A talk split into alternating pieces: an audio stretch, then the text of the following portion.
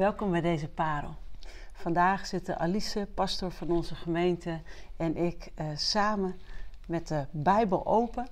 De afgelopen maanden hebben we als gemeente op de zondagen ons bezig gehouden met de serie van seks en relaties.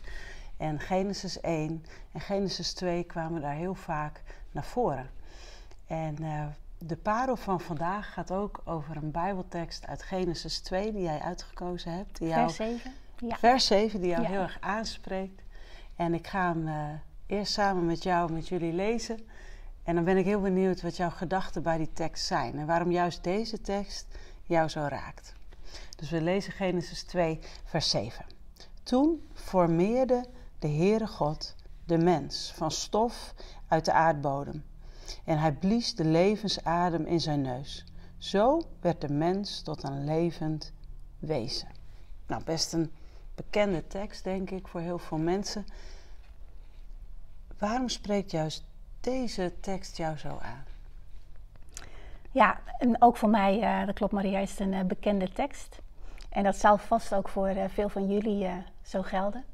Um, maar ja, ik, ik, dook opnieuw in Genesis, omdat we daar dus zo mee bezig waren. En toen trof toch deze tekst mij enorm. En waarom is omdat, de, ja, dat heb ik vaker als ik Bijbelteksten lees. Maar als ik dan mijn ogen sluit en denk aan wat daar daadwerkelijk staat, ja, dan raakt het me gewoon zo enorm dat God daadwerkelijk met zijn handen mij, de mens, gemaakt heeft.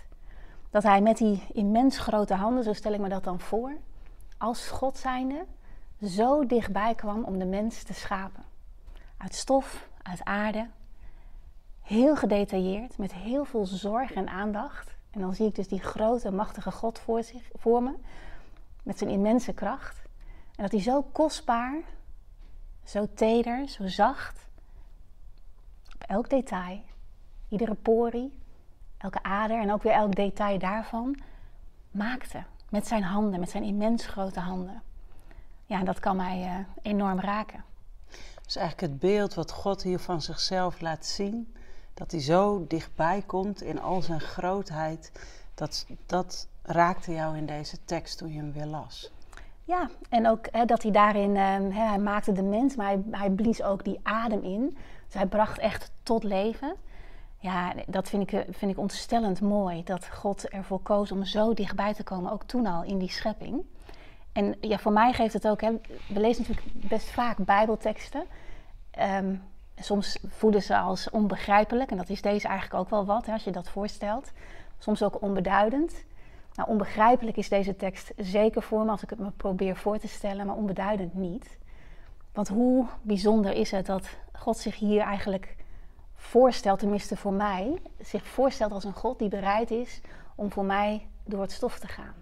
Om zo dichtbij te komen dat hij zich daadwerkelijk, nou, hij maakt zijn handen vuil op dat moment. En hoe mooi is dat in dat eerste moment dat de mensheid, de mens zoals hij het schiep, zijn ogen opsloeg en God zag met die handen die vuil waren van dat zand.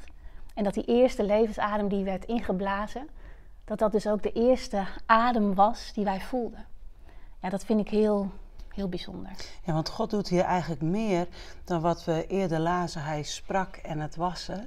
Hier uh, zien we hele andere handelingen van God, die voor jou dus ook laten zien dat God nog weer veel dichterbij komt door deze handelingen. Ja, voor mij zet hij echt letterlijk daar uh, zijn handtekening op de schepping in zijn geheel. Um, maar dus ook op mij heel persoonlijk. Ja. We lezen dit over God. En als het voor jou persoonlijk, we lezen hier ook over hoe God ons als mensen tot leven blies eigenlijk. Ja. Wat werkt het dan uit in jouw leven? Ja, voor mij, um, als ik mij God zo voorstel, als die God waar ik net um, woorden aan gaf, en dan helpt het mij zelf ook opnieuw om ervoor te kiezen om mijn handen daadwerkelijk vies te maken en dichterbij te komen. Jij naar maakt anderen je handen toe. vies? Ja, door um, naar anderen uit te reiken. En ik bedoel vies dan niet in een lelijke zin van het woord, maar uh, door ze te gebruiken, door te handelen, door daadwerkelijk aan te raken. En niet alleen voor die ander en niet alleen naar de ander toe, maar allereerst ook naar mezelf. En dus ja, om er ook echt weer opnieuw voor te kiezen om de pijn en de gebrokenheid waar ik ook in mijn eigen leven mee te, mee te maken heb, om die niet te omzeilen, daaromheen te lopen. Maar gewoon ja, ook dwars door die gebrokenheid heen te gaan. En dat hoef ik niet alleen te doen, maar dat mag dus ook met deze God. Mooi. Als we dit vers dichterbij laten komen en we gaan zo ook samen bidden, wat, wat is dan jouw gebed? Ja, weet je, ik uh, heb in mijn leven God zo vaak voor van alles en nog wat uh, uitgemaakt. Ik um, heb regelmatig uh, ja, zingend op puinhopen gestaan. maar ik heb ook met regelmaat um, vloekend voor zijn neus gestaan. Ik um, nou, ben daardoor ook wel vaak bang geweest van, nou heb ik God niet teleurgesteld. Dat kan ik nog wel eens hebben. Heb ik niet tekort geschoten of gaat God misschien zo meteen tegen me zeggen dat ik het allemaal niet helemaal goed begrepen heb?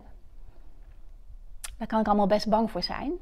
Maar waarin ook zo'n tekst me dan helpt, is dat ik voor één ding nooit bang hoef te zijn. En dat is voor het feit, hij zal nooit tegen mij zeggen, ik ken jou niet. Want hij heeft mijzelf gemaakt.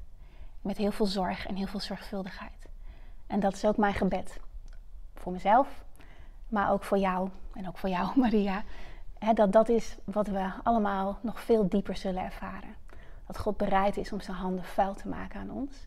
En dat hij die hele weg met ons wil gaan. Dat zal misschien in heel veel gevallen ook een lange weg zijn. In mijn geval ook ongetwijfeld. Misschien wel een leven lang. Maar hij gaat met me mee en hij zal het afmaken. Dat werk waar hij eenmaal aan begonnen was. Zeker. Toen hij jou schiep ja. vanuit de aardbodem. Ja.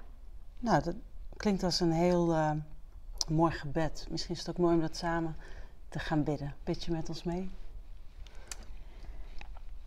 Ja, prachtige God. Scheppende God. Heer, het uh, waren uw handen die de mensheid schiepen. En het zijn uw handen die dat nog steeds dagelijks doen.